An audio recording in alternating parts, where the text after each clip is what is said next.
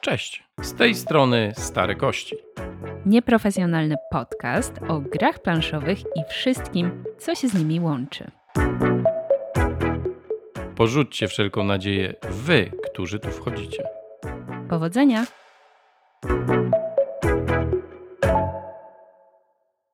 Dzień dobry. Dzień dobry. Ach, no i teraz ja mam się witać pierwsze. Odmieniliśmy kolejność, bo już raz to nagraliśmy. Ale nie nagraliśmy. Ale się okazało, że mamy wyciszone mikrofony, więc sobie pogadaliśmy trochę. Ciekawa jest ta zależność, nie? Że jak wyciszysz mikrofony, to się nie nagrywa. Trzeba pamiętać. Tak jeszcze, żeby wszelkich formalnościom stało się zadość, to dzień dobry. Z tej strony Joanna zwana Kocioł. I Paweł. Witamy Was serdecznie w kolejnym odcinku podcastu Starych Kości. No i będzie to kontynuacja zapowiedzi wydawniczych, bo już jeden odcinek był, a to jest drugi i ostatni. Mam potwierdzić? Potwierdzam, tak będzie. Już koniec y, z tymi zapowiedziami wydawniczymi. I tak dobrze nam idzie, bo to wyjdzie w maju, także no. Wyjdzie W kiedy połowie wyjdzie, roku no prawie, ale No ale musieliśmy zaczekać. Na Rebela musieliśmy zaczekać. Tak. Czekaliśmy na Rebela, czekaliśmy na Rebelkon. Bo tak naprawdę ten materiał miał być nagrywany zaraz po tamtym, tydzień po tygodniu. My byliśmy przygotowani i ja skontaktowałem się z Rebelem, żeby zapytać, czy jeszcze cokolwiek planują, żeby nam coś nie umknęło. No i wtedy się dowiedziałem, że przecież na Rebelkonie będzie dziewięć premier, więc stwierdziliśmy, że nie będziemy nagrywali tego materiału, żeby później dogrywać albo mówić o tym gdzieś, wsadzając to tak na dziko pomiędzy materiałami, na przykład w czasie recenzji gry Ziemia, a taka recenzja się pojawi u nas. Ja się tak uśmiecham, bo no to jest taka wygładzona wersja, w której zadecydowaliśmy, że później to nagramy. Jaka jest niewygładzona? Że mnie zapytałeś. No, Powiedziałam, dobra, to nie nagrywajmy teraz, tylko później. A potem byłeś z tego powodu niezadowolony, lekko mówiąc. no ale to jakby jedno drugiemu nie przeczy. No byłem niezadowolony, bo byłem przygotowany. Raz jeden byłem przygotowany na czas i nie nagraliśmy. I teraz oczywiście od razu mówię, że jestem połowicznie przygotowany, bo już nie pamiętam, co przygotowałem. Tak, ja cię pytałam, co tam masz. temu. Nie pamiętam, sorry. I w ogóle to nie skonsultowaliśmy ze sobą, o których wydawnictwach teraz powiemy, więc możemy się nawzajem trochę tu zaskoczyć. Myślę, że będzie bałagan, ale taki piękny bałagan. Przynajmniej do tego dążymy w tym materiale. Wspaniale, Chaos. idealnie. Chaos nie do końca kontrolowany, ale być może satysfakcjonujący dla słuchaczy. Nie wiem. Mam taką nadzieję. Teraz jest idealny moment, żeby przejść do off-topu. Mhm. Bo nie mogłoby się obyć bez off-topu, umówmy się. No to się dopiero teraz umawiamy. Już dawno na to umówiliśmy, że No tak. To ja standardowo zapytam, Paweł, czy może masz coś na dzisiaj do off-topu? może mam, może nie mam. Nie wiem jeszcze. Nie powiem. Zobaczymy, ile będzie trwał off-top i ty go zaczniesz, bo zawsze jesteś przygotowana, a ja tak raczej spontanicznie coś wtrącam, a później się okazuje, że to są jakieś głupoty i później je dementuję, więc w sumie dwa off-topy spędziłem na tym, żeby raz powiedzieć, że mi ktoś ukradł żarcie, później się przyznać, że ja byłem ślepy i nikt mi go nie ukradł. Takie off-topy na pewno nie są najlepszej klasy, więc słucham, co masz do powiedzenia. Nie no, ja bym powiedziała, że właśnie to jest rasowy off-top. Bo ja czasem jeszcze gdzieś jestem blisko gier planszowych, a jedzenie w lodówce to już jakby jest zupełnie inna kategoria. No i ja dzisiaj też mam off-top taki bardziej związany jednak z planszówkami. Przede wszystkim to jest nasze pierwsze nagranie po Rebelkonie, więc chciałam odmeldować, że odebrałam grę, bo nie wiedziałam, czy to się uda. A się udało. Zjedliśmy pyszny ramen, więc mamy zaliczone. Dziękujemy za polecenie. Tak, i dziękujemy też wszystkim, którzy do nas podeszli i za niespodziankę od Piotra, który do nas przyszedł i dał nam podkładki z naszym logo. których używamy dzisiaj. I nie zawahamy się ich rozdać w jakimś konkursie w najbliższym czasie. Tak. No i co oprócz tego? No był ten Rebelcon, było trzy dni grania, było fajnie. A więcej to na pewno jeszcze opowiemy w takim odcinku, w którym podsumujemy różne wyjazdy i konwenty planszówkowe w 2023 roku. bo mamy zaplanowany taki odcinek. Okej, no i warto by było podziękować Łukaszowi, czyli Pandzie, za gościnę i za pokazanie nam jednej z gier, którą dzisiaj będziemy pewno omawiać. Mhm. Tak, Tak. i kilku innych jeszcze. Bardzo miło było być Twoim gościem. Tak, no nie gościnny był, bo wygrał, ale takie jest prawo posiadacza gry i my trochę byliśmy zaskoczeni tym, jakie ciekawe tytuły zaserwował, a jednocześnie tym, jak te gry się ułożyły, bo się ułożyły nietypowo, przynajmniej ta, o której później powiemy. Chciałam zauważyć, że w skreślankę jednak wygrałam. A no tak, wygrałaś, to No. prawda. Nie, to ja we wszystko przegrałem. W ogóle to No. był mój konwent przegranych zasadniczo. No, tak to było. Co jeszcze? Kogo jeszcze wi- pozdrawiamy? Kogoś pozdrawiamy jeszcze? O kurczę, to No, teraz festiwal Wypadałoby pozdrowień. pozdrowić. No to pozdrawiamy kości Piony i Bastiony, a tak naprawdę w osobie Przemka, z którym graliśmy w Brian Boru i w Pakt z Diabłem. No i okazało się, że Przemek nie jest diabłem, ale był kultystą, więc blisko. Zawsze go podejrzewałem o kultyzm, ale teraz się przekonałem, że to prawda. Pozdrawiamy Koszaliński Klub Gier Planszowych. Mam nadzieję, że nic nie przekręciłam, ale pozdrawiamy Gandalfa i Barolka. Z którymi też graliśmy Tak. Też w Brian Boru częściowo. częściowo, ale nie tylko. Planszowe podziemie i to już chyba był trzeci Bartek wtedy. Tak, ja już się, słuchajcie, pogubiłam się. Okazuje się, że większość graczy w gry planszowe ma na imię Bartek. To powinien być Bartelkon, a nie Rebelkon. Bartek Kon. Hmm. No, jeszcze jest taka ważna różnica, że Bartek to może być Bartosz albo Bartłomiej, także nie wiemy do końca. To żadna różnica dla mnie. To bardzo duża różnica. Okej. I lecimy myślę, że nasz znajomy Bartek też to potwierdzi. Okej, dobrze. No możemy jeszcze pozdrowić Dorotę i Karo i w ogóle wszystkich, którzy gdzieś z graliśmy. nami przecięli swoje ścieżki na Rebelkonie. Było dużo tych osób. No i naszego kolegę Bartka, który specjalnie z Warszawy przyjechał do Gdyni, do domu rodzinnego, poświęcił się w ten sposób, żeby z nami pograć w sobotę. Nie, to nieprawda, ale tak to wyglądało. Uciekł z domu po prostu na jeden dzień, bo już nawet wolał towarzystwo nasze niż... To też nieprawda. Dobrze, lecimy dalej. Potem ciężko mi będzie to wyciąć, bo Nie już sam się tego, wycinasz to w jest- połowie zdania. To jest y, kontynuacja zdania. Nie możesz wyciąć mnie w połowie. To Lecimy. idziemy dalej z off-topem, tak? Bo ja jeszcze Tak. mam co powiedzieć. No, domyślam się. Nie kończymy na pozdrowieniach, bo ja chciałam przypomnieć, ogłosić, poinformować, zależy czy ktoś wie, czy nie, ale właśnie trwa 17 coroczne przyznawanie Golden Geeków. Nagród Golden Geeków, czyli serwisu Board Game Geek i właśnie teraz mamy już ogłoszone nominacje i można głosować. Do końca 7 maja można wziąć udział w głosowaniu i zagłosować na swoje ulubione gry w Nigdy różnych nie kategoriach. głosowałem. Nigdy. Nie brałem w tym udziału i chyba nigdy nie wezmę. Ale oczywiście, jeżeli ktoś ma ochotę albo corocznie bierze udział w tym głosowaniu, no to jak najbardziej. Z takich ciekawostek co do tego, to mam dwie. Do tego jeszcze są ciekawostki. Tak, tak. Że tutaj jest używana metoda Szulce, pana Szulce, czyli gry układamy według kolejności, która nam się najbardziej podoba i która najmniej. Przyporządkowujemy im liczby, chyba od 1 do 10, jeżeli dobrze pamiętam. No i żeby zagłosować, to niestety nie wystarczy sobie wejść na stronę, bo jest podana informacja, że głosowanie jest ograniczone tylko do użytkowników, którzy wspierali Board Game Geeka w którymkolwiek roku, czyli wpłacili darowiznę i mają tam tego badge'a, że są supporterami, albo jeżeli tam zapłacą 20 gig goldów, jakiejś takiej opłaty, albo osoby, które mają zakupiony awatar. Więc żebyście byli świadomi, że jeżeli nie jesteście zupełnie aktywni na Board Game Geeku, no to może to wam się nie wyświetlać, że możecie zagłosować i w razie czego można po prostu te Geek Goldy wydać.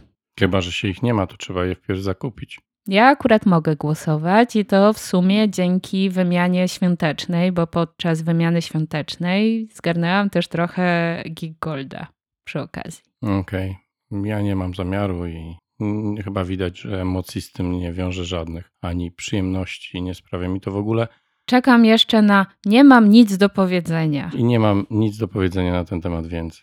Jakie to już się robi przewidywalne. Ale to sama to wyciągnęłaś ze mnie. Nie chciałem tego mówić, ale skoro już powiedziałaś, to.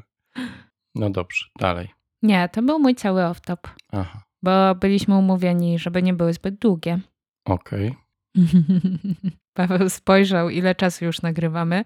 No, trochę nie przewidziałam, że będziemy wszystkich pozdrawiać, tu się przyznaję. No, wydaje mi się, że to grzecznie było zrobić. Nie? To cofamy te pozdrowienia, nikogo nie pozdrawiamy. nie, że Tu już nikt nie dosłuchał, także na luzie. Ja dzisiaj jakoś nie mam energii, powiem ci. No i To chyba to będzie- nawet słychać To po będzie twoim bardzo głosie. nudny odcinek z mojej strony, za co od razu z góry wszystkich słuchających przepraszam. Czasami tak bywa. Ja nie mam nic do Postaram powiedzenia, się. jeżeli chodzi o off-top. Ratować swoją energią. A, chciałem powiedzieć jedynie tyle, że być może jednak Monumental się wydarzy. Bo dostałem dzisiaj informację od Bartka, że zbierają już dane do wysyłki, więc moja epicka gra cywilizacyjna, za którą zapłaciłem niemało pieniędzy, ale też przede wszystkim, którą bardzo lubię, wreszcie może jest szansa, że jakoś w ciągu dwóch, trzech miesięcy dotrze. Myślałam, by że powiesz dwóch, trzech lat. Nie no, tyle to już czekamy, tak? Więc mam nadzieję, że dotrze, bo tam było mnóstwo perturbacji, o których już mówiłem pewno kiedyś, więc nie było do końca wiadomo, czy to się wydarzy. Natomiast to jest jedyny mój emocjonalny wątek dzisiaj, więc powiem je, wydarzy się super i jestem zachwycony. A teraz wracam już do nudnego marudzenia. Monotonnego. Też. To w ramach monotonnego marudzenia przechodzimy do tematu głównego.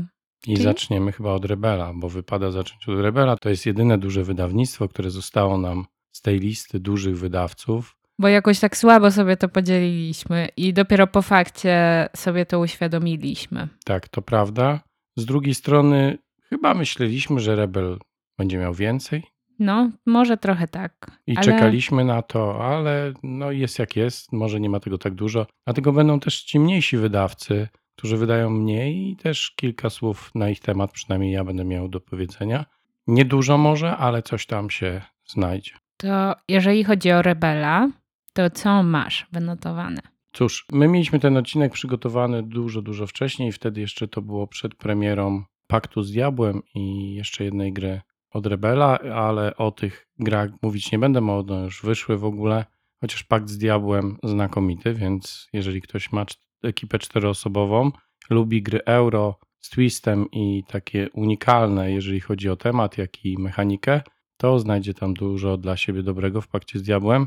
Ja bym chciał zacząć od kroniki Big Box. Została zapowiedziana na ostatnim Rebelkonie i myślę, że to jest taka gra, która chyba zrobiła na mnie największe wrażenie, jeżeli chodzi o zapowiedzi. Ich było niewiele, stosunkowo chyba 5 gier, 4 dodatki czy coś w tym rodzaju. No ogólnie można by powiedzieć, że biednie.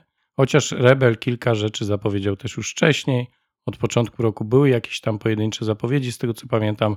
Ostatnio też była przed Rebelkonem jedna zapowiedź, o której pewno za chwilę też powiem w dwóch, trzech słowach. No a kroniki Big Box to są pokolenia, tylko w nowej wersji, czyli w pudełku Big Box ze wszystkimi dodatkami. Ja pokolenia uwielbiam jako euro.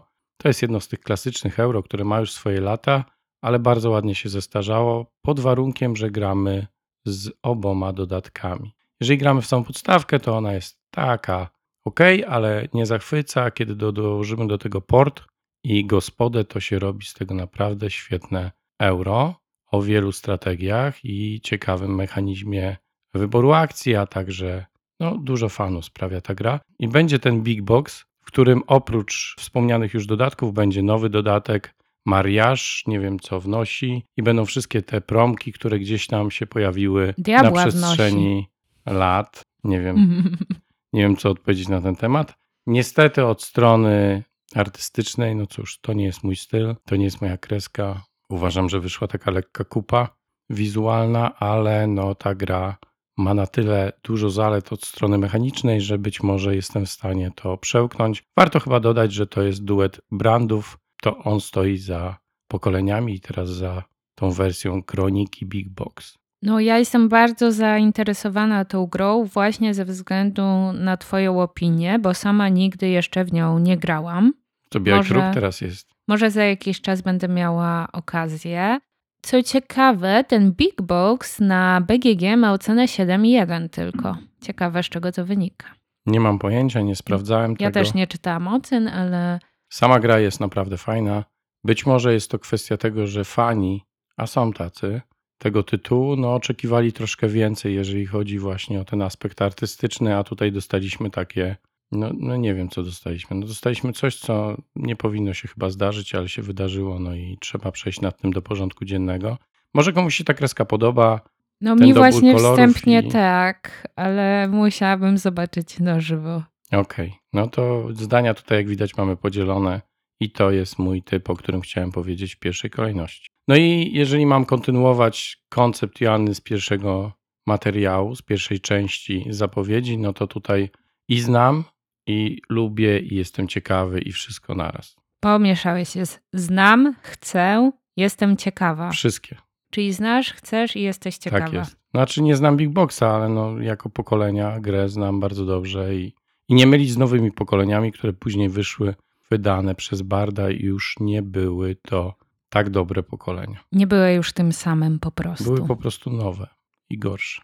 Trochę inne, trochę bazujące na, na pokoleniach. To jeżeli teraz chodzi o grę u mnie na liście, to ja bym chciała powiedzieć o Beyond the Sun. Będzie, tak? I to od razu będzie z dodatkiem Leaders of the New Dawn. I to mnie chyba najbardziej interesuje, dlatego że ja w mojej kategorii to jest znam tę grę, ponieważ ją posiadam, ale nie posiadam dodatku, bo on chyba dopiero w tym roku ma ogólnie wyjść. Nie jestem tego pewna, więc trochę się waham, no bo mam wersję angielską, ale to chyba za bardzo nie przeszkadza, a pewnie dokupię sobie sam dodatek. No to jest taka gra o ciężkości 3.13 na Board Game Geeku i ocenie 8.0 przy 11 tysiącach oddanych już głosów. Budowanie drzewka technologicznego. No, z tym ta gra jest utożsamiana, tak? Że tam jest to takie drzewko technologiczne, które każdy z nas będzie rozwijał i nie ma wyboru. Troszkę nie ma, tak. To jest y, clue gry. Jak zostaniemy na drzewku technologicznym, to pod koniec gry nas raczej na pewno gracze, którzy tam awansowali, przegonią. Nawet jeżeli będzie nam się wydawać, że e, choćby w tej eksploracji, ekspansji w kosmosie jesteśmy wyżej od nich, jesteśmy lepsi, napędza nam to grę, ale to technologie napędzają rozgrywkę. Jest tam też zarządzanie własną planszetką, pracownikami, zasobami. Bardzo ciekawy tytuł, chociaż nie urzekł mnie jakoś tak bardzo, bardzo mocno, ale grałem tylko raz. No i warto też dodać, że to jest gra z top 100 BGG, bo jest na 86 miejscu. Także to jest ceniona gra wśród graczy. Dodatek wprowadza asymetryczne frakcje, tryb solo, jeżeli kogoś interesuje, i nowe strategie, cokolwiek to znaczy. Tak jest. Więcej, więcej. Ja bym chciał się jeszcze odnieść do tego, o czym mówiłaś, czyli do zależności językowej. Wbrew pozorom jest tam e, zależność i jest ona istotna, bo wszystkie technologie są opisane po angielsku, więc jeżeli mówimy o graczach, którzy unikają anglojęzycznych tytułów i raczej stawiają na polskie, no to dla nich to jest bariera, którą w tej chwili uda się pokonać i ten tytuł może być dużo bardziej popularny na rynku polskim niż... Ja bardziej się po prostu waham, co zrobić teraz, jak mam swoją kopią. podstawkę w języku angielskim, a dodatek wyjdzie po polsku. Ja bym wymienił, miał jednolity zestaw. No może, PL. tylko mm, to może być niezbyt opłacalna sprzedaż. No to teraz to musisz zrobić, a nie za trzy miesiące, bo wtedy rzeczywiście już opłacalną może nie być. Nie wiem, jak jest z dostępnością tego tytułu w tej chwili na, w sklepach, więc nie jestem w stanie ci powiedzieć, czy stracisz, czy zyskasz, ale wiesz, trzeba próbować. Ja przed chwilą wymieniłem, dosłownie trzy dni temu, wymieniłem cały zestaw siedmiu cudów na nową edycję. To troszkę chyba inna sytuacja, ale tak. No i tak nie, no. Po części inna, po części taka sama. Też mógłbym nie wymieniać, bo obawiałem się, że stracę na tym. Nie, no są osoby, które szukają elementów starej wersji i to od dawna tacy poszukiwacze wręcz są, więc tu raczej było wiadomo, że będzie na to rynek. Niekoniecznie, na podstawkę nie. No bo to szukają głównie ci, którzy mają podstawkę, a nie mają dodatków. Tak? No więc to się gdzieś musi bilansować finansowo. Beyond the Sun nie szuka chyba nikt, ale zobaczymy. Dobrze. No, Mm. wypadałoby wspomnieć o tym, że będzie też Carnegie po polsku Mhm. po raz drugi, o czym już mówiliśmy chyba ze trzy razy i mówiliśmy też w recenzji. Właśnie Rebel jest Fajnie, bo właśnie odpowiedzialny za wydanie go. Kończę montaż tej recenzji i ona wyjdzie jutro. Tak, więc chyba nie ma sensu więcej o tym mówić, poza tym, że wspominamy, no bo to jest bardzo popularna w tej chwili gra, na nią jest duży hype, pewno duże oczekiwania, jeżeli chodzi o dostępność tej polskiej edycji gry. No, różnica jest taka, że ta polska edycja wyszła, ale z Carnegie jest z dostępnością chyba mniejszy lub większy problem, przynajmniej w pewnym momencie był. Jak wydają Rebel, problemu nie będzie. Wierzę, że Rebel zrobi to dobrze i ten standard retailowy wydania, o czym też mówimy w recenzji, jest bardzo zbliżony do Kickstarterowego, w związku z czym naprawdę niewiele tracicie. Szczególnie, że tam będzie chyba jeszcze ten dodatek z tymi ekskluzywnymi elementami z Kickstartera osobno, był chyba zapowiedziany. Przynajmniej to, częściowo. To jest trochę inaczej. To nie są Kickstarter Exclusive No nie i są, to nie ale- są komponenty deluxe. To jest po prostu dodatek, który w kampanii był dołączony po prostu do gry, a teraz w wydaniu Rebela to jest oddzielnie jako dodatek po prostu. No to samych I tak ekskluzywów, wersja retailowa jest jako jedno pudło plus Okej. ewentualnie dodatek. no to samych ekskluzywów było niewiele i one są mało istotne, bo tam były jakieś ornamenty na znacznikach, jakiś znacznik metalowy, lokomotywy. Naprawdę nie robi to gry i spokojnie można zainwestować w retail i nic nie tracić. Tak, chociaż ja mam polską wersję deluxe. Gratuluję, też miałem. Teraz A ja ktoś mam. inny się nią cieszy. A jak nie wiecie dlaczego, to posłuchajcie recenzji. Dobrze, teraz ty. Dobra, no to kolejną grą, którą sobie wynotowałam i to raczej tak w kategorii jestem zainteresowana, to jest, o rany, jak to czytać nawet nie wiem, Kutna Chora, Miasto Srebra. Tak, też mam odnotowane. Na razie nie ma żadnych ocen, nie ma ciężkości na BGG i, i tak za dużo o tym tytule nie wiem. No-name'owi autorzy, jest ich troje, Natomiast trzech, jak ale... oglądałam jakieś zdjęcia, no to faktycznie to ma być na stronie Rebela to jest nazwane historyczna gra ekonomiczna, ale tak naprawdę to chyba są kafelki i budowanie miasta. Takie Quadropolis, tylko że z XIV wieku. Więc jak ktoś grał w Quadropolis, wydaje mi się, że będzie bardzo podobna konstrukcja mechaniczna gry, bo będziemy budowali 4 na 4 chyba, albo jakoś tak, taki set kafelków. Będziemy tam budowali jakieś domki na nich, no bardzo Mhm. podobna. Mechanicznie pewno będzie do Quadropolis, inaczej być może będą wybierane akcje, tego nie wiem, ale rzeczywiście zapowiada się całkiem sympatycznie. Czy dobra gra? Nie mam pojęcia. Zobaczymy. Oryginalnym wydawcą jest Czech Games Edition, co w sumie sprawia, że ta gra od razu gdzieś może trafiać do kategorii zainteresowane tytułem. Ja powiem tak, wydaje mi się, że ten wydawca nie ma ostatnio zbyt dobrej passy, jeżeli chodzi o wydawanie gier. Przy czym nie do końca wydaje mi się, że to jest związane z tym, jakie gry wydaje, bo te gry, jak się okazuje po, po czasie, po ograniu, są naprawdę fajne. Ale tylko- oni mają Arnaka na przykład. No mają, tak. Ale ostatnio wydali Pakt z Diabłem i ostatnio była Gwiezdna Flota. I obie te gry wydaje mi się, że nie wzbudziły aż takich emocji i nie były aż tak popularne, nie miały takiego hypu, na jaki być może zasługują. Okej, wydawało Mówię mi się, że. Gwiezdna Flota miała, a Pakt z Diabłem to dla mnie było do przewidzenia w jakimś stopniu, jeżeli wydajesz grę, która działa tylko na cztery osoby. To jest dosyć takie Ryzykowne. ograniczające grono odbiorców i studzące zapał. Z jednej strony tak, z drugiej strony mamy tu do czynienia z grą, która posiada jakiś unikatowy mechanizm, pomysł na grę, jest do tego apka. Apka też dla wielu może być taką barierą nie do przejścia, bo ludziom się wydaje, że ta apka to Bóg wie co robi w tej grze, a ona tak naprawdę szczytuje tylko kody QR, więc nie ma się co martwić. Tam gry aplikacyjnej to praktycznie nie ma. Pomysł jest, wszystko jest, wykonanie mnie się bardzo podoba, a jednak nie było odpowiedniego odbioru, Więc ja nie mówię, że to są złe gry. Ja mówię, że to są gry, które jak się pozna, to się okazuje, że są naprawdę wartościowe, ale jak patrzymy tak w przekroju innych wydawców, to wydaje mi się, że akurat ten kiedyś lepiej sobie radził i miał większe wzięcie niż teraz. Ale też gry robił inne troszkę. Okej, nie mam nic więcej do powiedzenia. A to moja bardzo subiektywna opinia jest. No to teraz powiedz, co ty masz dalej na liście. To ja teraz powiem o, powiem o. Będzie wydana uczta Odyna plus dodatek. Dodatek będzie Norwegowie. W ucztę Odyna grałem, grałem wielokrotnie. Dodatek nie grałem nigdy. Podobno rozwija bardzo ciekawie, rozbudowuje podstawkę i mam mieszane uczucia co do tej zapowiedzi. To znaczy, z jednej strony ja oczywiście szanuję autora, no bo to jest UW. Po drugie, mówimy tutaj o grze, która bardzo dobrze się w swoim czasie przyjęła. A troszkę taki odsmażany kotlet. Mhm. Nie wiem, ilu będzie chętnych, bo ta gra też będzie astronomicznie droga w tej chwili. Ona kiedyś była droga, ale teraz wydanie tego tytułu w nowych realiach wydaje się jeszcze droższe, jeszcze trudniejsze.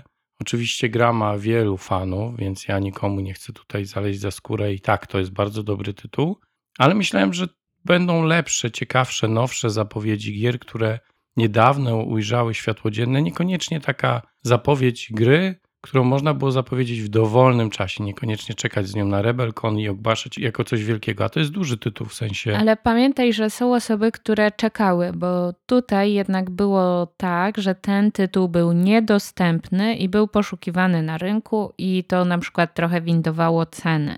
Więc myślę, że część osób bardzo się ucieszyła, kiedy to zobaczyła. Tak samo jeżeli chodzi o dodatek, bo wcześniej on nie był w ogóle dostępny w języku polskim. Była tylko podstawka od Lacerty.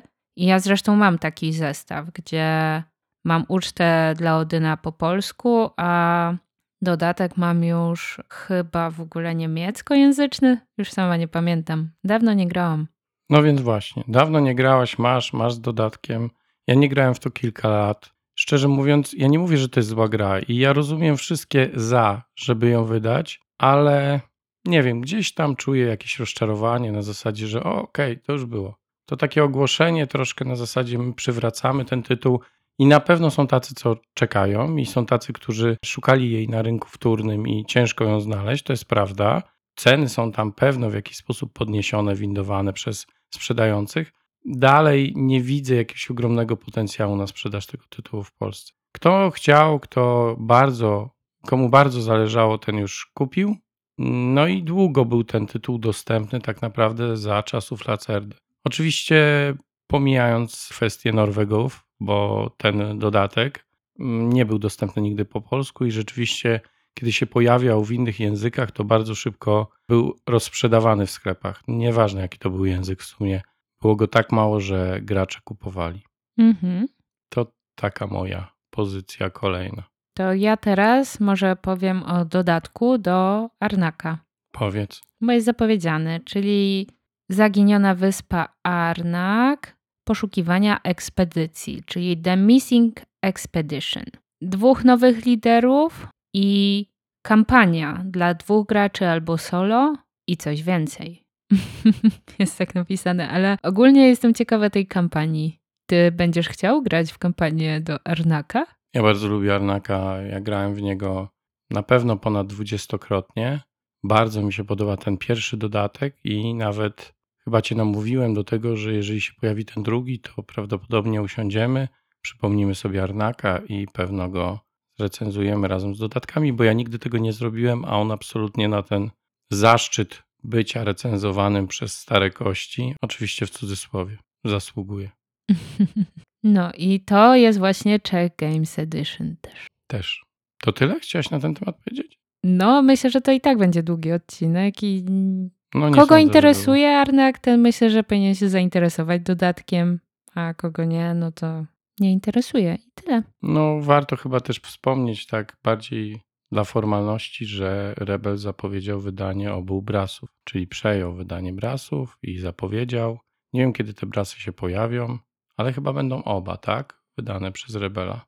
Wydaje mi się, że tak, że chyba oba. Tak.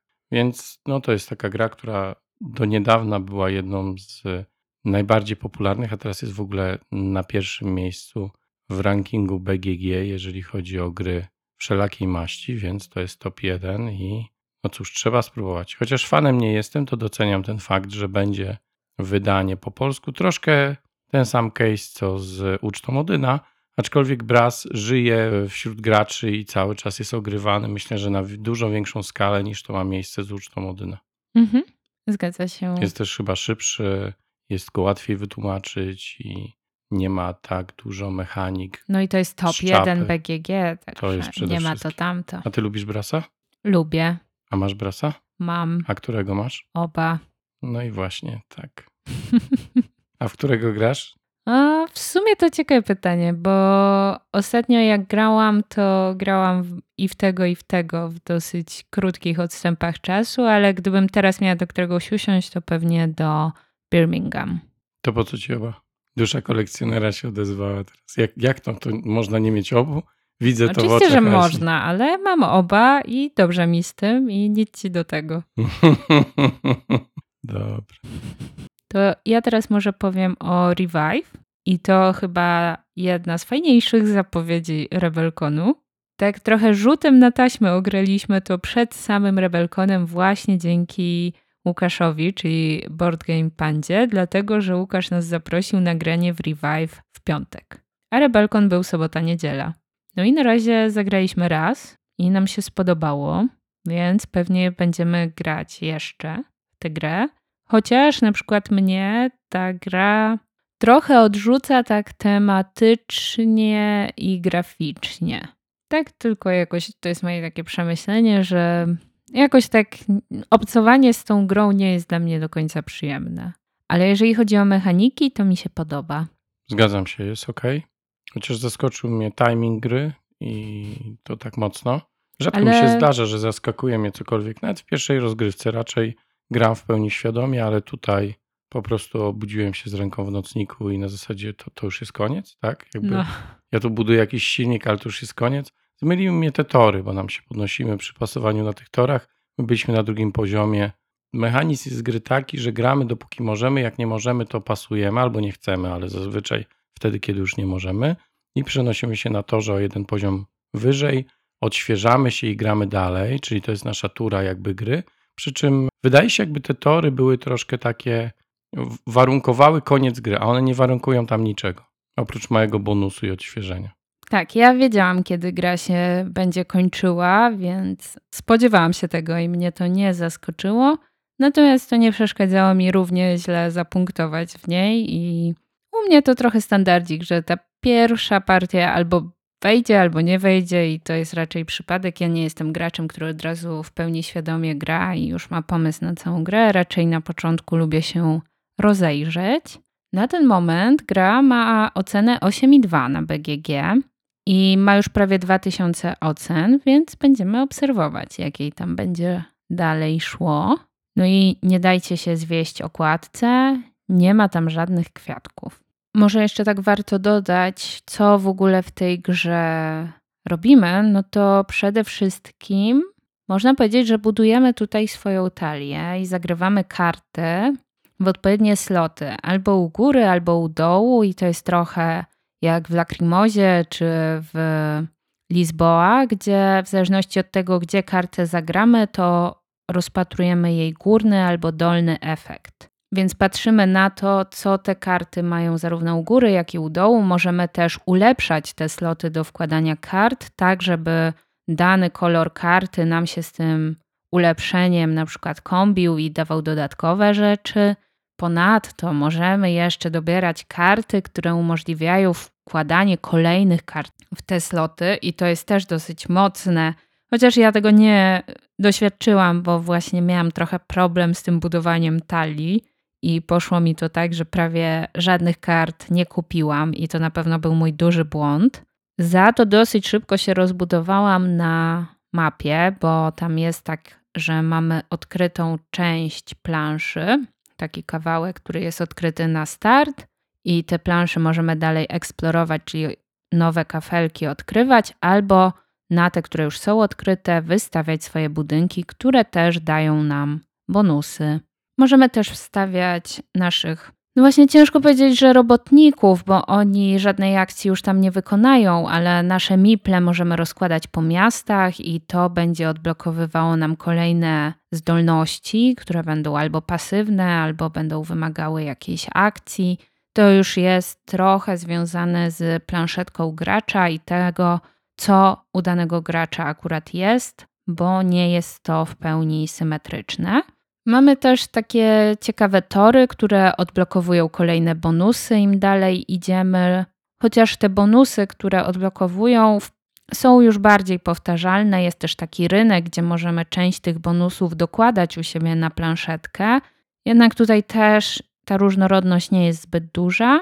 No i mamy jaja czy artefakty obcych, które zbieramy, i to one właśnie wyznaczają koniec gry, bo kiedy wszystkie z tych artefaktów zostaną zebrane, to jest triggerem końca gry.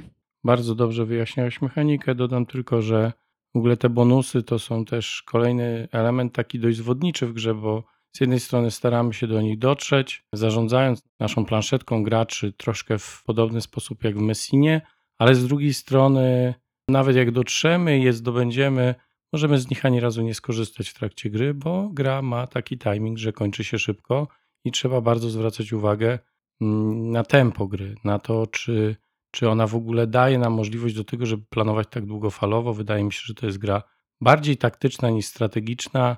Oczywiście są tam aspekty strategiczne, natomiast no jednak musimy sprawdzać i na bieżąco weryfikować, ile zostało tych e, artefaktów i w jakim momencie inni gracze mogą je nam podebrać, bo może się tak zdarzyć, że w jednej turze, kiedy my sobie zaplanujemy jakiś ruch, oba artefakty znikną i tak naprawdę gra się za chwilę kończy, a mamy zaplanowane kilka akcji do przodu. Może się to wydarzyć, ale jak się wie, że tak jest, no to też inaczej powinno się podchodzić do gry i grać w nią w taki sposób, żeby maksować wyniki. Tak też grał Łukasz, bardzo ładnie zresztą. Dużo eksplorując, z eksploracji jest dużo punktów i już się nie dziwię, czemu to robi, ponieważ to jest taki najprostszy sposób na to, żeby szybko się rozwinąć, szybko dostać dużo punktów i profitów z tej eksploracji, więc całkiem fajny sposób na to, żeby grać. No i ta eksploracja troszkę rozpędza graczy, jeżeli chodzi później o budowanie, bo ono nie jest wcale takie oczywiste. Jest dość kosztowne, rozbudowana planszy wymaga od nas posiadania sporej ilości zasobów i optymalizacja tego aspektu gry wcale nie jest taka prosta, ale całość jest bardzo przyjemna i chętnie bym zagrał jeszcze raz. Przynajmniej raz jeszcze, może nawet więcej. I jaki teraz ty będziesz miał tytuł? Ja nie mam nic już z Rebela. Okej. Okay. Ja się zastanawiałam, czy w ogóle powinniśmy wymieniać, ale chyba nie. Ale nadchodzi Everdell chyba w końcu, czy nie? No ale Everdell był zapowiedziany dwa lata no, temu. ale on teraz wychodzi, słuchajcie. Jeszcze troszkę i się go doczekamy. Angielskie wersje są już w sklepach w Polsce. Ale było przesunięcie, Rebel sam mówił, że będzie przesunięcie polskiego wydania, przynajmniej chyba na trzeci kwartał, z tego co wiem. Jeszcze miesiąc czy dwa miesiące temu, jak się dopytywałem, nie było nic pewnego, żadnych mhm. ustaleń, żadnych dat, więc czekamy po prostu. No to w takim razie, o czym teraz chciałbyś powiedzieć? A to może łatwiej będzie, jak ty powiesz, jakie masz jeszcze wydawnictwo. Okej, okay, dobrze, mogę ja wybrać. Chociaż myślę, że jak ty wybierzesz, też się nic nie stanie. Ja na przykład mogę powiedzieć o Chaha Games. I tutaj chyba pierwszą grą, o której chciałabym powiedzieć, to jest Endeavor Deep Sea. Nie wiem dlaczego, gdzieś mi się wydawało, że to będzie po prostu dodatek do Endeavora, a to jest samodzielna gra. Reimplementacja Endeavor Age of Sail, które zostało też przez Czachę wydane, jako chyba po prostu Endeavor Wiek Żagli. No i właśnie jak to nagrywamy, to dopiero co ruszyła kampania na GameFundzie, angielskojęzycznej wersji. Jeszcze nie wiadomo do końca, jak Czacha będzie sprzedawać polską wersję językową, ale też już ją zapowiedziała. No i tutaj to jest chyba nawet bardziej drama niż ciekawostka, dlatego że właśnie widziałam, że też dzisiaj Czacha wystosowało oświadczenie, że jest zszokowana formą kampanii Endeavora, którą prowadzi oryginalny wydawca, dlatego że nie była świadoma tego, że wyjdzie upgrade pack do wersji Deluxe, które będzie do zakupu w oryginalnej kampanii GameFounda. I że oni się na to nie zgadzają i że właśnie wystosowali w tej sprawie obszerną wiadomość do oryginalnego wydawcy. Więc będzie jakaś grubsza lub nie drama, myślę, z tym związana. Na razie będziemy obserwować. Jest też już wstępnie założona zbiórka na forum gry planszowe, na ten upgrade pack, ale zobaczymy, jak się temat będzie rozwijał. Ja nie lubię Endeavora. Jest mi obojętne, co się tam zdarzy. Grałem kilkukrotnie. Absolutnie ja w tej grze nic nadzwyczajnego nie widzę. Jest powtarzalna, jest nudna. Więc nie jestem fanem i doceniam wykonanie, bo jest ładne, ale ta gra dla mnie nie wnosi nic do planszówek. Wiem, że ma swoich fanów, więc jakby każdy lubi coś innego.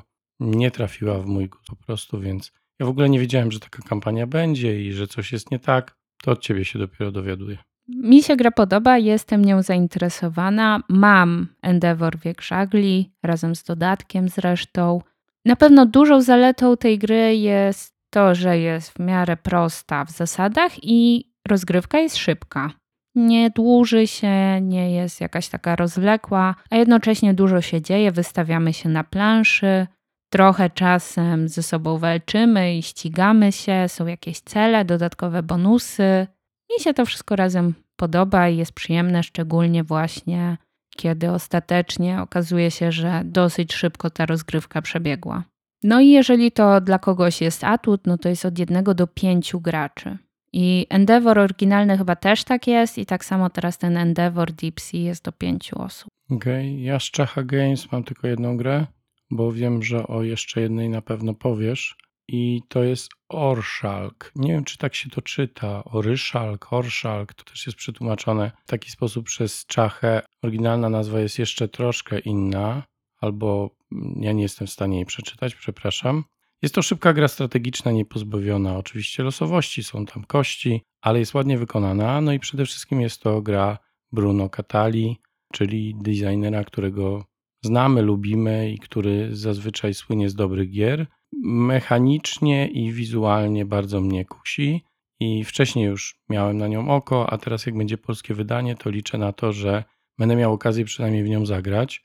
Mamy tam otwarty draft, jest eksploracja, optymalizacja, no jest troszkę wyścigu, więc ja jestem bardzo za i chciałbym, chciałbym ją przetestować. Premiera jest planowana, z tego co wiem, na maj albo czerwiec. Czy się przesunie? Tego nie wiem, nie monitorowałem tej e, sytuacji mm, i nie wiem też, czy Czacha w jakiś sposób się do tego odnosiła, więc póki co, póki co czekam i no i zastanawiam się, czy to będzie dobry tytuł na BGG. Miesiąc temu, kiedy szykowałem się do tego materiału, miał ten tytuł ocenę 7,4 i ciężkość na poziomie 2,30 dla dwóch, czterech graczy do godziny, więc myślę, że taki ciekawy filerek. A dla niektórych, dla grup casualowych, być może takie danie główne, żeby siąść, zagrać rodzinnie albo, albo po prostu przyjemnie spędzić czas przy planszy i na to liczę. W sumie ostatnio znowu coraz chętniej sięgam po takie gry, które nie są długie i które, w które jestem w stanie zagrać z każdym, więc być może to jest jedna z tych gier. Czyli teraz pewnie kolejna moja gra? Tak. To ja jeszcze u Czachy mam wylistowany The Bridge. To jest gra, która miała swoją kampanię i która w tym roku powinna być dostarczona. Nie wiem, czy będzie, ale jest zapowiedziana. Jest to gra wydawnictwa Ludus Magnus Studio, czyli tego samego wydawnictwa, co na przykład Black Rose Wars. No i ja akurat wsparłam tę kampanię, więc trochę czekam na tę grę. Zobaczymy, co to będzie. W opisie jest to gra, która jest tu powiedziane, że jest netcrawlerem, dlatego że będziemy hakerami, którzy próbują rozsiać swoje wirusy i włamać się do systemu. Będziemy mieć swoje awatary, którymi będziemy zarządzać, będziemy nimi wykonywać akcje, będziemy walczyć z innymi użytkownikami sieci, czyli z innymi graczami. Każdy z nas jest po prostu innym hakerem i jest to takie competitive, ale jednocześnie każdy ma y, podobny cel. No i co? Zobaczymy. Czy w ogóle to będzie w tym roku? Tego nie wiem, ale czekam, więc pomyślałam, że o tym wspomnę. A z drugiej strony to nie wiem. Być może będzie wersja retail, ale na ten moment chyba się tej gry nie da kupić w jakiejś przedsprzedaży. Ciebie pewnie ten tytuł też zupełnie nie interesuje. Nie znam tytułu. Znaczy, przeleciałem przez zapowiedzi Czachy i najwyraźniej w ogóle nie przykuło mojej uwagi. no to do mnie trafi to pudełko. Prędzej czy później. Pewnie później. Masz jeszcze coś od czachy? Nie. Okej, no ja jeszcze mam oczywiście taką wzmiankę, że mamy zapowiedź Black Rose Wars Odrodzenie, czyli kontynuacji niejako Black Rose Wars, gdzie Black Rose Wars podczas walk magów pomieszczenia były niszczone, a w Black Rose Wars Odrodzenie te pomieszczenia na start będą właśnie zniszczone i będziemy je odbudowywać, będą się odradzać, więc teoretycznie w drugą stronę. Czy będzie lepiej niż Black Rose Wars? Zobaczymy. Być może będzie podobnie. Trochę można się tego spodziewać, ale jak będzie, to zobaczymy. Ja chciałam też wspomnieć, że jestem zaciekawiona taką grą, która nazywa się Hrabstwo Harrow. To już jest w ogóle przypadkowo. Raczej nie kupię tej gry od razu, ale chciałabym w nią zagrać, dlatego że słyszałam o niej dobre opinie gdzieś chyba w świecie podcastowym. Być może to nawet był pan Ignacy, który mówił, że ta gra jest dobra, więc chciałabym ją sprawdzić. Więc gdybym miała kiedyś jakąś okazję, to bym się do niej przysiadła. I to tyle u mnie, jeżeli chodzi o Czacha Games. To ja może powiem o Fox Games. I oni nie mają zbyt wiele zapowiedzi, a już na pewno niewiele wartych uwagi. Przynajmniej z mojej perspektywy jest tylko jedna taka. Jest to palec Boży Kwiat Wiśni, który jest dodatkiem do gry Palec Boży, którą pewno wielu z Was zna, lubi i gra, bo jest to pstrykanka. Jedna z najlepszych, jeżeli nie najlepsza pstrykanka na rynku. Ostatnio nawet mieliśmy okazję grać w Game Set Match, tak to się nazywało? Czy Set Match? Chyba Set Match. O tenisie, taka pstrykanka. I niektórzy mówią, że najlepsza pstrykanka no, daleko stoi od palca Bożego, który naprawdę się dobrze bawi i który wywołuje dużo emocji. I myślę, że kolejny dodatek, bo chyba już jakieś mini dodatki były, jakieś dodatkowe frakcje. W każdym razie mam nadzieję, że ten dodatek jeszcze dodatkowo wzbogaci ten tytuł. Będą to bogowie Japonii, ale będzie też wariant kooperacyjny. Nie wiem na czym będzie polegał, ale będzie i będzie można pstrykać. Wszyscy na jednego będą pstrykać w niego. No nie wiem tego, nie wiem dokładnie jak wygląda mechanika, natomiast sam palec Boży bardzo sobie cenię i wiem, że był taki moment, że rzeczywiście był bardzo, bardzo popularny. Jest to ładnie wydana pstrykanka i warto ją mieć w kolekcji, szczególnie jeżeli mamy dzieci, gramy z dziećmi. One na pewno mają masę frajdy z takiego grania. A więc palec Boży, kwiat wiśni. Kiedy będzie dokładnie? Tego nie wiem, nie sprawdziłem szczerze mówiąc, ale chyba jeszcze nie było to ogłoszone. Chyba, że ty coś wiesz. Nie, nie wiem. Ja nawet sobie tego nie wylistowałam. Przejrzałam tylko zapowiedzi Fox Games i nic nie wynotowałam. A grałaś w Palec Boży w ogóle? Tak, i nawet mam. Okej. Ale jakoś nie mam potrzeby dodatku. Okej. Ja za to mogę teraz powiedzieć o wydawnictwie Phalanx, bo też ma trochę zapowiedzianych rzeczy, chociaż tak obserwuję, że Phalanx coraz więcej chyba wydaje jednak gier w formule wspieraczkowej, a przynajmniej próbuje. I jedną z takich gier jest chociażby Huang, który jest reimplementacją Tygrysa i Eufrata i Yellow i Yangtze. Tak jest to wylistowane na Board Game Geeku. No to jest chyba Tygrys i Eufrat, tylko w nowej odsłonie. No właśnie tam jest chyba jakaś incepcja reimplementacyjna. Nie wiem. No, grałem w obie, one są do siebie bardzo podobne, ale Tygrys jest moim zdaniem lepszy, ciut lepszy. Przy czym no, gracze, którzy są fanami Knici i fanami tego typu gier i cenią sobie Knicję właśnie za ten tytuł, czyli Tygrysa i Eufrata, nie stawiają tych gier na równi i nie traktują je jako jeden tytuł i jakby każdy ma swoje zalety i wady. Mm, Nie postrzegałbym w tego w ten sposób. A Huang jest chyba rzeczywiście reimplementacją Tygrysa i Eufrata stricte. Tam z Tak, małymi ale zmianami. nie wiem czemu, ale na BGG jest tak to wynotowane, jak przeczytałam. No i tak jak wspomniałeś, to jest właśnie nowa odsłona gry pana Rainera Knici. Trochę było różnych kontrowersji przy tej wspieraczce, że jak rozumiem tam niektórzy stwierdzili, że gra jest mniej czytelna niż jej oryginał, że cena trochę wygórowana, ale ostatecznie chyba jakoś ta wspieraczka im się udała. Zobaczymy jak będzie z dowożeniem tego. Nie wiem, czy chcę mieć, ale na pewno chciałabym w to zagrać, bo jeszcze w ogóle nie miałam okazji, a może to, że jest nowa wersja sprawi, że ta okazja się pojawi. Masz w ogóle coś w zapowiedziach Phalanxów? Nie, to było jedyne, co miałem odnotowane. Okej, I- to Te problemy z usability i zwrócanie przez graczy uwagi na to, że na przykład są figurki, a nie ma żetonów, które zasadniczo dużo lepiej wyglądają na planszy i później Phalanx niejako chyba pod naciskiem tych graczy wprowadza jakieś dodatkowe żetony, które można kupić, drewniane czy niedrewniane, już nie pamiętam. No, dziwna polityka trochę Phalanxa, który stwierdził, dobra, my to sobie wydamy tak, jak my chcemy, Mm, nie będziemy się patrzyli na to, jak to było wydane wcześniej i do czego gracze i fani tego tytułu są przyzwyczajeni. My po prostu zrobimy to tak, jak nam się podoba, a oni albo niech przyjmą to na miękko, albo niech spadają na bambus. No troszkę to tak wyglądało i wreszcie przez to, że było dużo, dużo narzekań i dużo uwag, słusznych zresztą, bo tam naprawdę ciężko czasami na planszy dobrze ocenić sytuację i te symbole i te kolory są istotne.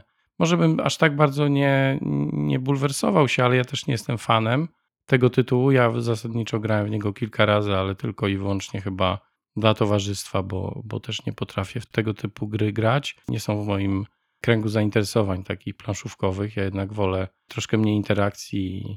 No i nieważne, no nie, nie jest to mój typ. W każdym razie rozumiem też graczy, że chcieli, żeby to nowe wydanie, jeżeli już ma być, to żeby było takie, w które będzie można grać, a nie które tylko będzie ładne. No i chyba jakiś tam kompromis został osiągnięty. Zobaczymy, jak ten tytuł zostanie wydany, jak zostanie finalnie przez graczy przyjęty. i czy nie będzie opóźnień, bo chyba niestety Phalanx miał trochę różnych problemów z innymi wspieraczkami. Zobaczymy. Ja jeszcze mam wynotowane Expeditions. To jest określone jako sequel do Saita. Dlatego, że to jest to samo, powiedzmy, uniwersum, ten sam ilustrator, artysta, czyli pan Jakub Różalski, a gra sama w sobie, jeżeli dobrze rozumiem, no to ma być niezależnym tworem. To nie jest reimplementacja sajta czy jakaś jego kontynuacja mechaniczna, tylko bardziej tematyczna, bo sama gra ma być oparta, jeżeli dobrze rozumiem, na kartach i budowaniu silniczka. Gdzieś przeczytałem takie zdanie: oprawa graficzna i kreacja świata Jakub Różalski. Mhm. Kreacja świata. No tak, i to w sumie trochę się zgadza. Więc y, Na tak, pewno będzie ładnie, a czy będzie fajnie, jeżeli chodzi o granie, to zobaczymy. Widziałem zdjęcia, nie widziałem nigdy gry na żywo. Nie wiem, czy ona już została wydana po angielsku, czy jeszcze nie. Opinie są różne. Tych graczy, którzy grali również, mm, bo chyba można było już gdzieś nią grać, albo jest jakaś edycja już wydana, albo można było w nią grać online. Ciężko mi powiedzieć, ale spotkałem się z opiniami na temat tej gry. Nie są zbyt dobre. Co do tej oprawy, wydaje mi się, że o ile w sajcie ona robiła rzeczywiście taki efekt wow, no to tutaj mamy po prostu budowanie swojego jakiegoś karcianego tablo i to niekoniecznie musi już wyglądać tak imponująco. Natomiast z chęcią zagram, spróbuję, bo niewiele na ten temat wiem i tylko, tylko opieram się na jakichś informacjach, które przeczytałem, kilku zdjęciach, które widziałem, no i co więcej mogę powiedzieć. Zobaczymy. To ja w sumie się podpinam, zobaczymy. No i chyba tyle, jeżeli chodzi o Phalanxa. Może jeszcze tylko bym wspomniała, że w tym roku też ma wyjść Dominant Species Marine. Ale to już też było od dawna zapowiadane, ale to właśnie będzie w tym roku. Okej.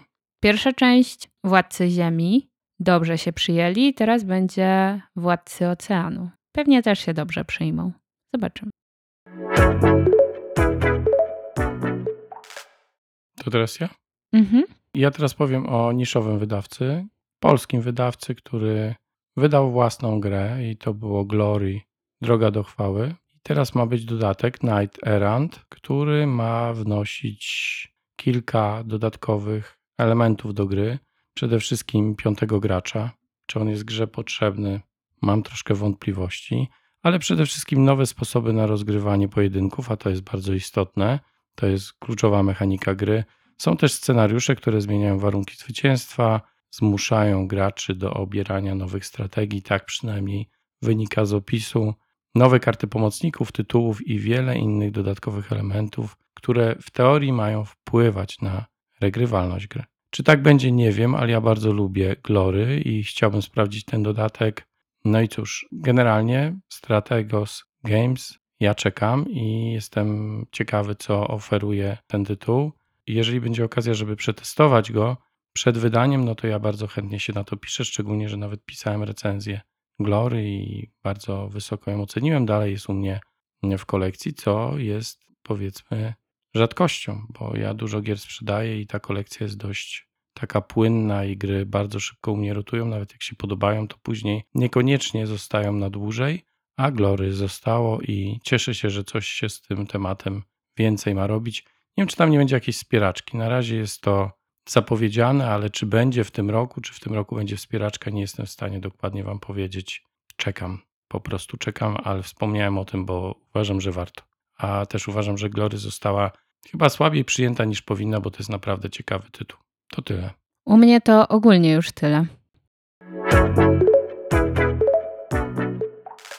No moim zdaniem warto by było jeszcze wspomnieć o UV Games, które wprawdzie nie ma wielu imponujących y, tytułów zaplanowanych na ten rok, chociaż tych tytułów jest łącznie ponad 20 chyba, z czego 17, co najmniej 17 albo w granicach 17, to są malutkie gierki przeznaczone do takiego party games i tych gierek jest 17, część z nich grałem, czasami za te gierki odpowiadają nawet znani autorzy, jak na przykład Knizia, który jedną z tych gierek stworzył, a przynajmniej wariację tej gierki, bo przecież dużo nie trzeba, żeby zrobić reimplementację innej gry Knizji, on to w tym jest bardzo kreatywny.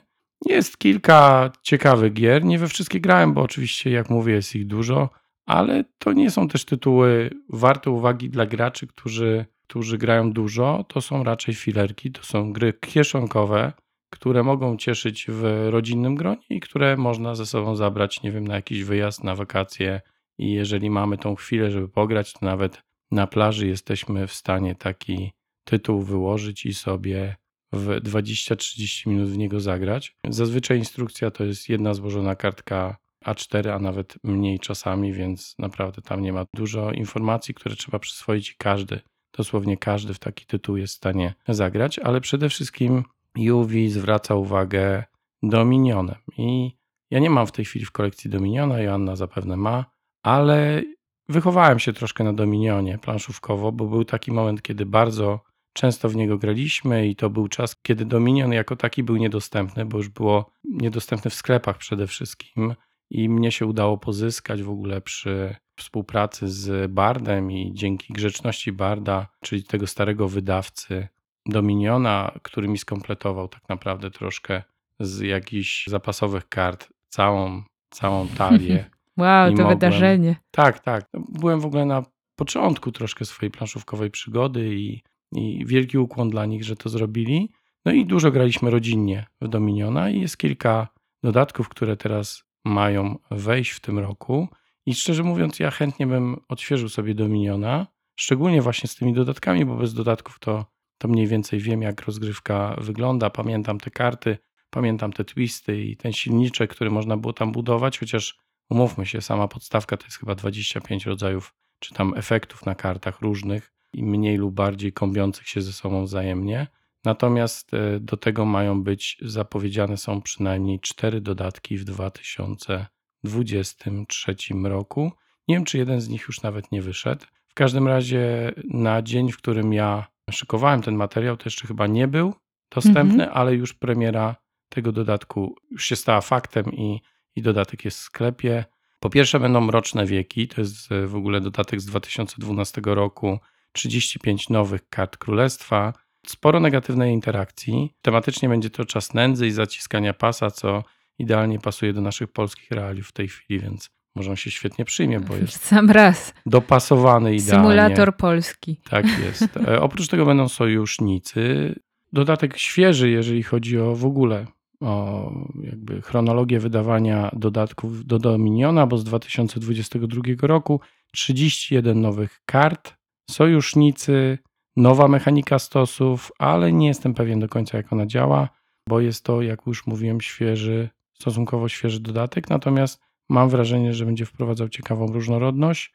Będzie też dodatek w nieznane, ten jest troszkę starszy, bo z 2015 roku, gdzie mamy kolejne 30 kart królestwa, to już licząc choćby te trzy dodatki jest ponad 100 razem z podstawką. Jest to ogrom, którego się chyba nie da sensownie ograć, ale jak ktoś lubi taką różnorodność, no to mamy ją tutaj oferowaną przez wydawcę.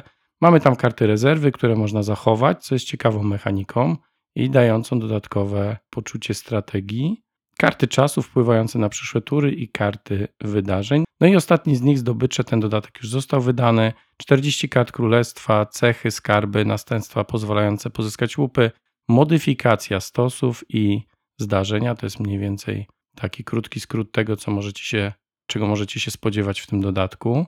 No i cóż mogę więcej powiedzieć? No, imponujące, że Dominion doczekał się tylu dodatków po polsku, szczególnie biorąc pod uwagę, jaka jest historia mm, wydania i te korelacje z Games Factory niekoniecznie pozytywne i, i to, że udało się to przekuć w taką serię w języku polskim, no szacunek dla, dla Juwi, że, że podjęło się tego, że kontynuuje ten proces wydania wszystkich albo prawie wszystkich dodatków do Dominiona.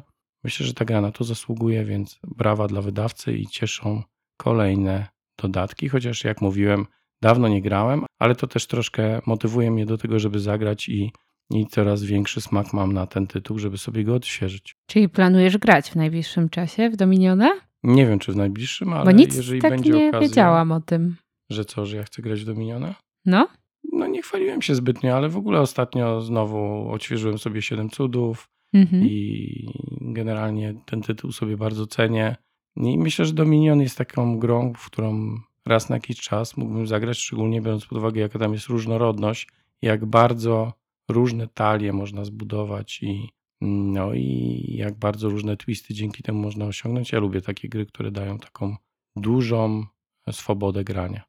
Ale też zamkniętą w jakimś tam powiedzmy mechanice, która nie jest przesadzona, tak? No bo wiemy, że ostatnio było i Tiletum i teraz mamy do czynienia z Ziemią, którą będziemy recenzowali, ale tam mam wrażenie, że tego wszystkiego jest po prostu już za dużo, a jeżeli chodzi o Dominiona, to jest po prostu różnorodność setupowa, a później ta Mhm. mechanika jest dość taka spójna i szybka i ta gra nie jest długa i nie mamy poczucia, że dzieje się tam za dużo. Powiedziałbym, że idealnie na to, co tytuł ten oferuje. To by było tyle, jeżeli chodzi o, o UV Games. Masz na pewno jeszcze jakieś wydawnictwo na liście, Na pewno mam? A skąd ty wiesz, że mam? czy nie? Na koniec chciałbym jeszcze wspomnieć o Hexy Studio. To jest polski wydawca kolejny, który bodajże w zeszłym roku dzięki wspieraczce ufundował grę Uluk, która w tym roku ma być wydana. Myślę, że na przełomie maja i czerwca, z tego co słyszałem i z zapowiedzi, jakie to wydawnictwo mm, gdzieś tam w sieci wrzuciło. Mamy w sumie niewielu wspierających, bo tylko 730, ale swoje zebrała gra i sprawia naprawdę ciekawe wrażenie. Nie dość, że jest ładnie wykonana, to jeszcze dodatkowo mamy tam jakiś worker placement z ciekawym twistem. Jest set collection, czyli to, co ja lubię. Nie wiem, czy to będzie tytuł, który trafi częściej u mnie na stół, ale jeżeli będę miał okazję ograć, bardzo chętnie bym spróbował. Szczególnie, że jak była kampania, to ja też jednym okiem na nią troszkę podpatrywałem, ale, ale finalnie nie zdecydowałem się na wsparcie. No, zobaczymy, jak to wyjdzie. Fajnie, że w ogóle ta gra zostanie wydana. Z tego co wiem, to już jest na, na finiszu, jeżeli chodzi o, o cały ten proces wydawniczy. Dobrze, jak wydawcy wydają gry i dotrzymują terminów, i nie jest to jakoś tam obciążone długim okresem oczekiwania. A tu chyba mam wrażenie, tak nie było, więc brawo dla wydawcy i czekamy na ten tytuł. Ja przynajmniej czekam, szczególnie, że to Euras na 60-90 minut, więc być może właśnie e, w, Znając nas.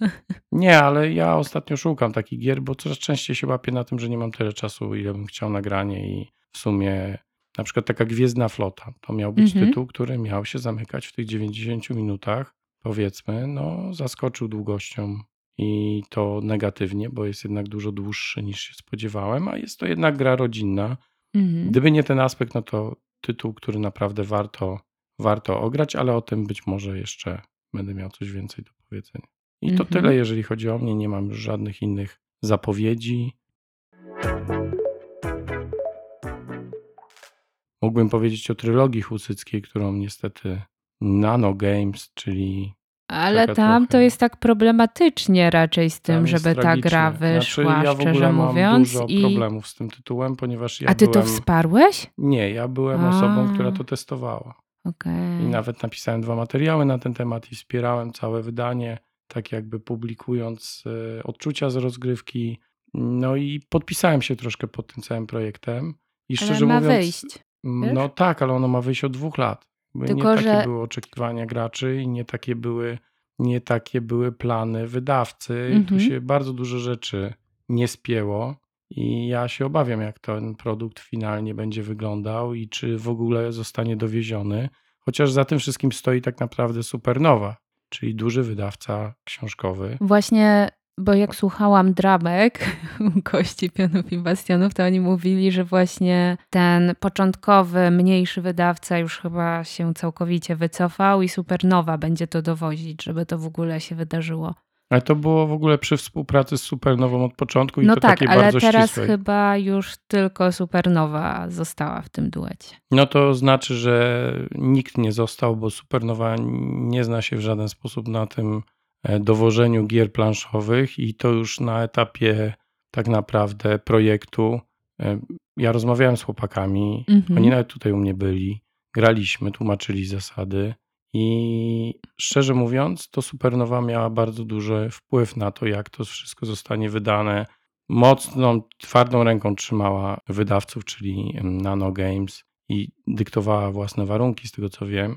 Może dlatego to wszystko nie dojechało, nie Mhm. mam pojęcia, ale, ale martwię się, czy ten tytuł w ogóle zobaczy światło dzienne i oczywiście jest zapowiedziany na ten rok. Trzymamy Tak jak kciuki był w takim zapowiedziany razie. na poprzedni rok.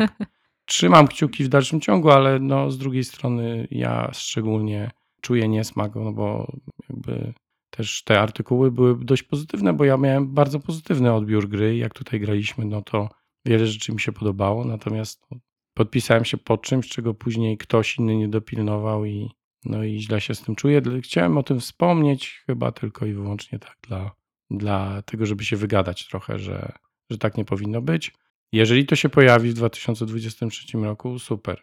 Jeżeli się nie pojawi w 2023, to ja wątpię, czy się w ogóle pojawi kiedykolwiek. Wiesz, ilu tam było wspierających? Nie, tam były dwie kampanie. Kampania polska się udała, osiągnęła próg tam chyba 80 czy 90 tysięcy złotych. Gdzieś w tych granicach chyba się ufundowała. Mhm. Była też kampania anglojęzyczna, która została zjedzona w ciągu dwóch czy trzech pierwszych dni przez wspierających z całego świata, bo była tak nieprofesjonalnie przygotowana, była tak nierzetelna, niekompetentna, że, no, że się nie udało i oni wycofali się z tej kampanii. Zresztą ona, mm, wiemy jak to jest z kampaniami na Kickstarterze, jak to było szczególnie kiedyś, ale jest do tej pory, że jeżeli się kampania nie ufunduje 48 godzin i ten próg nawet nie jest bliski osiągnięcia, no to, to może być ciężko, żeby w ogóle taka kampania się Mhm. ufundowała i wydawca najprawdopodobniej po trzech czy czterech dniach wycofał się z tej kickstarterowej kampanii i miał do niej wrócić, ale minęły dwa lata, nie wrócił. Są oczywiście zapowiedzi, gdzieś tam raz na jakiś czas się odzywają. Do tej pory się przynajmniej odzywali. Teraz, chyba słabo już nawet jest z odzywaniem No się, więc- ale sprawdziłam, że jest 117 tysięcy zebranych nawet. i 487 wpłat. To już nawet nie jest żółta kartka, bo ja już kiedyś im o tym przypominałem i też wypowiadałem się na, na ten temat publicznie, jak oni tam kolejne zapowiedzi co do przesunięcia terminu i kolejne wytłumaczenia zamieszczali, ale w tej chwili to już jest czerwona kartka, bo tak się po prostu nie robi. Zatem stał duży wydawca, tak? Może nie Mhm. planszówkowy, ale książkowy i nie ma prawa tego nie dowieść. Jeżeli tak się stanie, no to duża ujma na marce takiej, jaką jest Supernowa, a przecież wiele książek przeczytałem wydanych przez tego wydawcę. No to ja w takim razie się tym bardziej zainteresuję. Nie wiedziałam, że byłeś zamieszany w ten proces. No tak można powiedzieć, że byłem, ale nie byłem częścią projektu jakiego, Mhm. jako takiego, tylko po prostu byłem jedną z tych osób, która miała okazję trochę lepiej przetestować grę przed kampanią. Ja już chyba nie będę nic więcej od siebie dodawać. Ja nie mam już nic do dodania, tak więc myślę, że przerobiliśmy wszystkich tych najważniejszych wydawców. Na pewno coś pominęliśmy, bo nie da się wszystkiego powiedzieć. I czasem jest też tak, że po drodze jeszcze się coś okazuje, że jakaś gra wychodzi albo jakaś zapowiedź jeszcze wpadnie. To nigdy nie jest tak, że te wszystkie zapowiedzi jak raz padną, to już nic więcej się nie wydarza. Trochę zależy to od wydawcy, ale niektórzy taki mają model, że jeszcze dorzucają rzeczy. No i na pewno zapomnieliśmy powiedzieć o zamkach Burgundii, które mają się wydarzyć, rozumiem, w drugim albo trzecim, bliżej pewno w trzecim kwartale 2023 roku, czyli Awaken Realms. I, I czekamy. I czekamy, bo my wspieraliśmy. Oboje, I ja no. i Anna. Więc liczę, że będzie ładnie, liczę, że będzie czytelnie, liczę, że będzie fan z gry. Ja już swoje zamki w poprzedniej wersji nawet wystawiłem na sprzedaż. Oczywiście nasza księgarnia wyda dodatek do wyprawy do Eldorado, o czym warto wspomnieć. Jednej z Okej. fajniejszych gier wyścigowych, chociaż nie wygląda to jak prawdziwy wyścig. Będzie tytuł, y, dodatek będzie nosił tytuł Mokradła i Smoki. Oczywiście za grę jest odpowiedzialny Rainer Knizia, więc no jeżeli ktoś jest fanem, a znam takich, no to na pewno czeka i już e, niecierpliwie przebiera nóżkami, żeby jak najszybciej pobiec w tym wyścigu do Eldorado. I w ramach tego dodatku dostaniemy aż 9 modułów mm, i dwa dodatki w jednym pudełku tak naprawdę. Znajdziemy tam nowe kafle, rodzaje terenu i efekty. Będą nowe karty oczywiście, no bo ta gra stoi kartami, nie, właśnie kartami zarządzamy ruchem gracza. No i będą smoki. Co wprowadzają smoki, nie wiem, ale będą. Premiera planowana jest chyba nawet na maj. Nie wiem, czy się nie przesunęła w tej chwili, ale to już blisko. I chyba nie mam nic więcej. To były jakieś takie krótkie adnotacje odnośnie tego, co jeszcze ewentualnie powinno się pojawić. No i wszyscy wiemy już, bo zostało ogłoszone, że Wiedźmin Stary Świat, w którym mieliśmy okazję przez chwilę zagrać dokładnie dwie tury, zostanie też w czerwcu wydany już oficjalnie i wtedy jest zapowiedziana jego Ciekawe. premiera gdzieś na koniec czerwca. Chyba Czy będzie kojarzę. drama, czy nie, pod tytułem Wspierający dostali później niż retail wyszedł. No jest taka Będą możliwość. emocje. Jest taka możliwość. Zobaczymy jak to będzie. No, to kończymy w takim razie. I przepraszam za to, że byłem nudny, marudny. W sumie nie dało się tego słuchać, ale może następnym razem będzie lepiej i zabawniej. A może nie. Może to już standard. Sprawdźcie sami. Z mojej strony to wszystko. Do usłyszenia do następnego razu. Dziękujemy Wam bardzo. Trzymajcie się. Dajcie znać, na co Wy jeszcze czekacie i jak oceniacie zapowiedzi tegoroczne i czy coś Was zaskoczyło, czy nie. Oczywiście standardowo też komentujcie, dawajcie znać. Chyba najłatwiej na YouTubie pod bieżącym materiałem. Lajkujcie, subskrybujcie i to nie tylko na YouTubie, ale też na przykład na Spotify, bo powoli, ale powoli dołączają nowi obserwujący też tam. No i dziękujemy bardzo za dzisiaj. Trzymajcie się. Do usłyszenia.